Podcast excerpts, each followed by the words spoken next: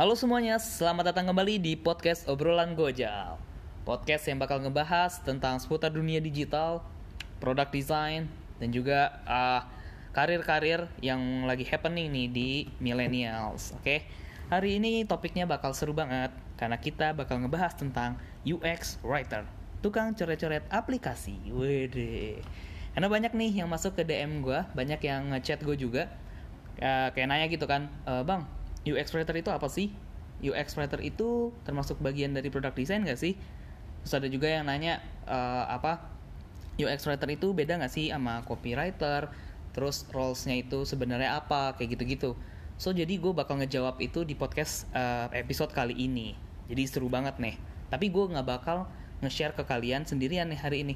Karena di sini kita udah kedatangan bintang tamu yang spesial. Di sini ada Mbak Elis. Halo sahabat obrolan Gojal Wede, apa kabar nih Mbak Elis? Baik, lo sendiri gimana Jal? Baik dong, gue selalu baik. Asik. Jadi Mbak Elis ini adalah seorang UX writer ya. Jadi eh, Mbak Elis bisa diceritain nggak nih UX writer itu sebenarnya apa sih? Eh, UX writing itu adalah praktik mendesain kata-kata yang dilihat orang saat menggunakan aplikasi, saat berinteraksi dengan aplikasi.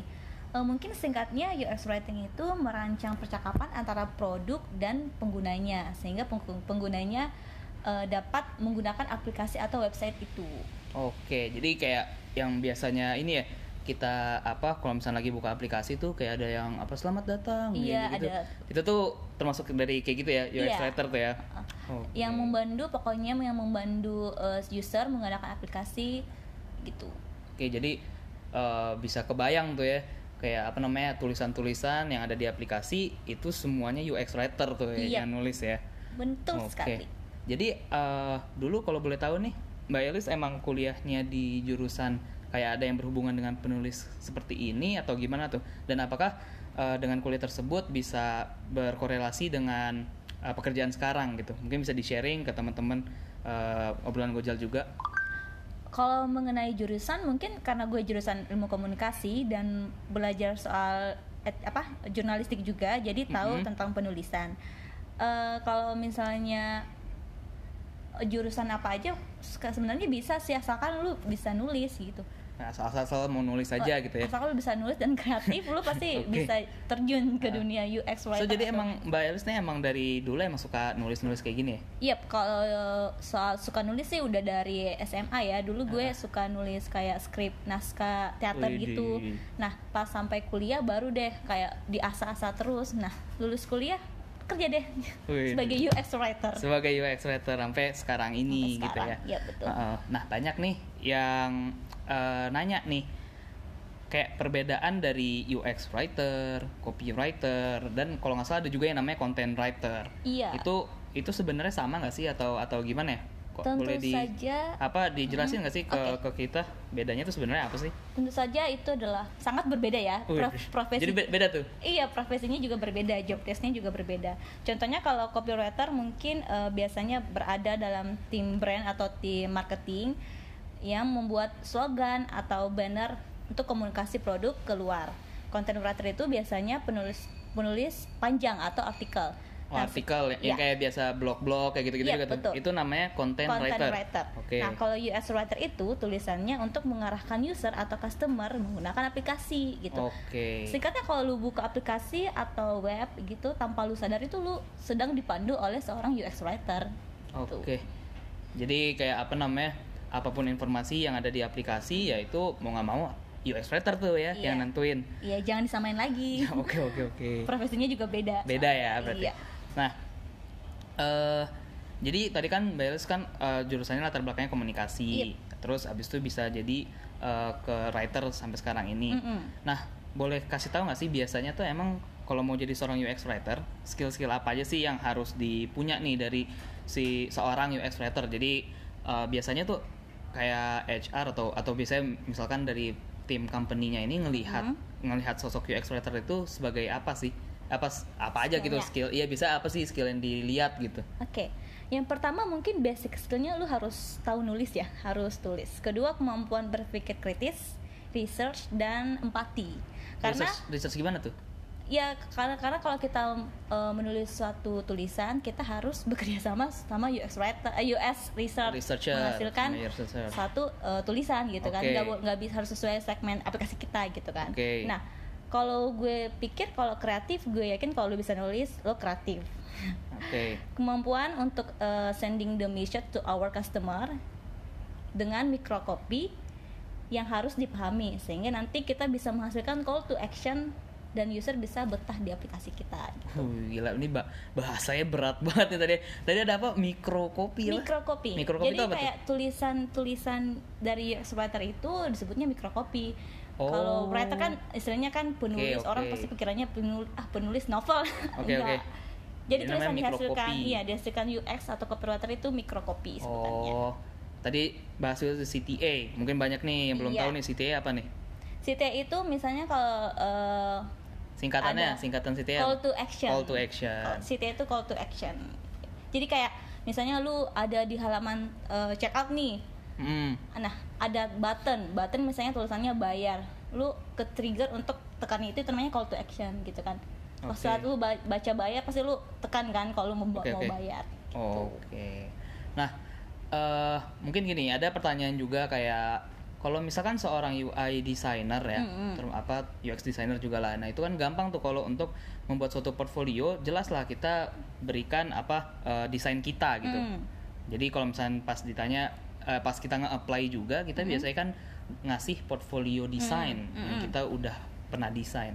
Nah, gimana kalau UX writer? Biasanya UX writer tuh ngasih portfolionya tuh dalam bentuk apa? sama sih eh, kalau mungkin kalau UI atau desainer itu portofolionya dalam bentuk hasil Desainnya. desainnya mereka Oke. kan kalau kita kalau gue contoh gue dulu waktu jadi copywriter Mm-mm. gue eh, portofolio gue itu eh, karya-karya gue hasil tulisan gue yang ada kayak di banner gitu tapi gue eh, sertakan maksud dari eh, apa yang gue tulis gitu misalnya kalau dulu waktu gue kerja di aku laku boleh disebutkan Iya boleh boleh. waktu gue sebut apa kerja di aku laku gue jadi copywriter nah portofolio itu gue kan eh, apa eh, nulis sebuah ba- apa banner eh, tentang kredit cicilan sampai 30 juta Oke. nah tiga eh, stepnya ada tiga step gitu ya gue tulis tulis aja Tulis di situ Ah, gitu ya. Jadi jelasin lah gitu eh, portfolionya bisa berupa apa? eh, tampilan juga dari Tampilan desainnya, juga dari tapi desainnya. lebih ke arah nih tulisan yang udah gue ciptakan di Ah, ah. Di misalkan di banner tersebut, di banner tersebut gitu atau ya di aplikasi atau di tersebut, aplikasi tersebut. dan Oke. eh, ada ini ada apa tips lain nggak tuh kalau untuk buat portfolio biasanya gimana tuh UX writer eh, mungkin kan sebagai US writer juga biasanya kita bikin eh, tone of voice so- so- Tone of voice, ah, ah. oke, jadi oke. lu bisa mungkin memperlihatkan itu Oh. Mas, ini loh hasil kerja gue nih dalam- tuh apa tipe yang gini loh kayak gitu Iya, ya bisa gitu. jadi bisa nge-branding diri lu juga ya Hmm. UX UX writer yang seperti apa gitu ya Yep. oke jadi itu yang bagus untuk dimasukkan ke portfolio lu so jadi gimana tuh cara untuk eh, tahu nih informasi yang yang udah diberiin nih sama UX writer itu tuh jadi akurat dan valid bagi si user karena kan tujuan dari UX writer adalah mentransformasikan informasi Informasi, dari si mm. produk ya kan eh, ke, Ke ke, ke user. usernya Ya, gitu jadi betul. gimana tuh caranya kalau sebagai UX writer Jadi sih gue selalu make sure kalau microcopy yang gue buat itu udah sesuai dengan user yang segmen aplikasi gue dengan do some Oke. research of course dan Oke. juga nggak mau bertanya sama tim-tim UX atau tim UI gitu. Kalau misalnya gue kasih case, misalnya ada error case nih ya, gue kasih lihat. Kira-kira kalau lu baca case ini lu ngerti nggak bakalnya diarahkan ke mana? Mm-mm. Nah kalau misalnya si yang baca, oh ya gue ngerti ya, berarti pesan gue udah mudah clear. dipahami Ah, lah ya, heeh. Kalau misalnya ah enggak kayaknya em, enggak deh ini maksudnya apa ya? Nah, berarti di situ kita harus menggali lagi Menggali sampai lagi. ngerti gitu. Oh, jadi eh, apa biasanya apa aja tuh? Biasanya jadi apa namanya selain buat-buat kata-kata, bia- selain tadi ada riset juga gitu ya. Mhm. Biasanya di keseharian di perusahaan apa startup kayak gini gitu, peran UX writer tuh ngapain aja? Boleh diceritain nggak, Melis? Eh, kalau mungkin di sebuah semua bidang UX writer pasti dailynya itu adalah research ya riset kecil-kecilan gitu. Ah. Eh, sama UX checking. UI checking juga. Iya supaya kalau misalnya aplikasinya uh, launch nggak ada yang kayak typo-typo atau kayak nggak ada yang double spasi gitu nggak kan ada yang oh jadi dicek kembali Cek apa, kembali, eh, uh. kopi-kopi yang sudah ditulis ya kan yang sudah kita desain juga sesuai eh, di live-nya iya gitu ya supaya oke kayak kan kalau udah launching kan udah orang bisa download ya kalau Typo kan kita yang malu. Iya, UX itu- writer jadi harus ada bener-bener, sense bener. of Jadi- responsibility-nya Oh iya gitu. bener banget tuh. Eh, jadi sejauh ini apa tuh tantangannya ada nggak nih? Tantangan menjadi seorang UX writer kalau menurut Mbak Eli sendiri apa nih sejauh ini? Kalau gue sih mungkin ada moral kayak yang tadi gue bilang moral responsibility yang harus tinggi karena kita kan harus nge-deliver the correct information untuk Mm-mm. customer ya. Jangan sampai informasi yang kita berikan ke user itu malah membuatnya bingung, berimbas mereka bisa tinggalin aplikasi kita. Wih dih. Yang kedua juga eh, gimana ngedeliver pesan Heeh. kayak kayak pesan panjang jadi ringkas, padat dan jelas gitu. Oke. Nah, mungkin eh, Jadi Right. nextnya itu kita harus tahu rasanya jadi user gimana empati kita oh harus jadi tinggi empati itu ya. iya jadi kira-kira kalau misalnya user. ada error case kira-kira kan biasanya kalau orang baca suatu error case itu sedih kan Mm-mm. kayak gimana kalau kita bikin suatu copy yang kalau user baca mereka nggak kesel kalau misalnya di error dia dapat error mes- messengers gitu Jadi kita kayak ngerangkul dia Ngerangkul gitu ya gitu, ngerangkul kayak- sehingga tetap terasa enak gitu ya. jadi kan kalau kalian apa lu pasti pernah rasa kan kalau lagi asik nih pakai aplikasi tiba-tiba muncul iklan Mm-mm. pop up gitu atau apa nah kita tuh harus sebagai UX writer kita harus tahu-tahu nih sebagai user kalau kena itu rasa perasaan kita harus gimana gitu Itu empati. empatinya nah Benar. dan juga tuh kita harus eh, ngedeliver pesan dengan dengan smooth gitu Yoi. smooth Jadi itu tuh caranya apa? Iya, tantangannya buat sih itu. apa? Tantangan sebagai UX writer harus kayak gitu. iya Nah kalau tips sendiri dari Mbak Elis nih biar biar nggak kayak apa biar nggak terjadi miss tuh. Ibaratnya biar user tuh jadi betah gitu sama aplikasi kita gitu kan. Sama enak dengan apa kopi mikrokopi tadi namanya mikrokopi yang dibuat oleh UX writer. Ada tips nggak nih mungkin untuk yang masih baru-baru di UX writer kira-kira harus kayak gimana sih? Kalau misalnya gimana ngebuat uh, user betah di aplikasi kita gue sih sebagai writer itu kalau ditanya gue pasti uh, nanyanya nanya ke UX research kalau misalnya itu lebih lebih tepatnya karena mereka pasti udah punya market research atau uh, Segmennya sendiri gitu. gitu ya. Tapi di situlah kolaborasinya UX research sama UX writer karena hasilnya kita bisa sama-sama crafting fitur Heeh. agar bisa agar us- uh, user bisa betah gitu. Kita juga berkolaborasi, berkolaborasi sama UI design gitu. biar ini kan biasanya kan kalau kita biar pas tuh ya biar Yap. pas di desain kita nih kopinya harus sepanjang apa ya kan Iya. harus berben harus apa apakah harus kapital apakah Iya. enggak nah, kayak Uh-uh. gitu-gitu tuh biar flow-nya bisa lancar gitu biar kan. experience juga Experience, terjaga uh. tuh si user Iya, kita jangan sampai mengganggu experience user meng- uh, menggunakan aplikasi atau website kita. yo i gila Eh, apa ya gini deh menurut mbak Elis nih Yep.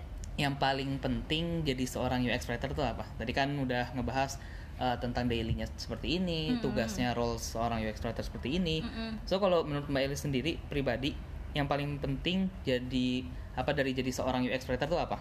First of all, gue rasa ini kembali lagi ya research sih yang paling penting Research dan gue ya. gue juga biasa uh, biasa miss di ini dan berimbas gue salah tapi emang ini paling penting Pembelajaran gitu. lah ya. ini paling penting jadi UX writer itu kita harus uh, punya research sendiri gitu karena kita harus tahu apa yang kita tulis gitu sehing- sehingga kita nge-deliver tulisan itu bisa dimengerti user gitu. Mm-mm. Nah, contohnya gini kadang kalau kita tahu sesuatu kita biasa susah untuk nge- ngejelasin kan Iya, gimana iya, kalau kita nggak tahu gitu jadi itulah pentingnya research Oke, gitu. jadi research emang jadi fundamental banget ya di sini ya. Karena iya sih, gue ngerasa juga kalau misalkan kita aplikasi nih ya, contohnya tiba-tiba kita formal banget gitu, kayaknya Iya. padahal aplikasi itu aplikasi nyantai gitu. Iya. Terus tiba-tiba formal kayak gitu kan kayaknya kayak kurang pas aja gitu Iya, kan. benar. Nah mungkin itulah uh, fitur apa riset itu sendiri Research, sangat betul. penting ya Iya. kan, gitu. Jadi terakhir nih Mbak Elis nih mungkin uh, penting juga untuk uh, pendengar semua di sini apalagi yang mau jadi seorang UX writer ya. Uh, ada pesan nggak nih untuk mereka yang mau jadi seorang UX writer? Mungkin di sini ada anak kuliahan atau ada yang bahkan masih SMA tapi udah punya angan-angan ah mau jadi UX writer ah kayak Mm-mm. gitu itu ada gambaran nggak saran untuk mereka semua Kalau gue sih eh, perbanyak pengetahuan tentang dunia penulisan kan dunia penulisan itu banyak banget ada scriptwriter, ada copywriter, ada UX writer gitu kan.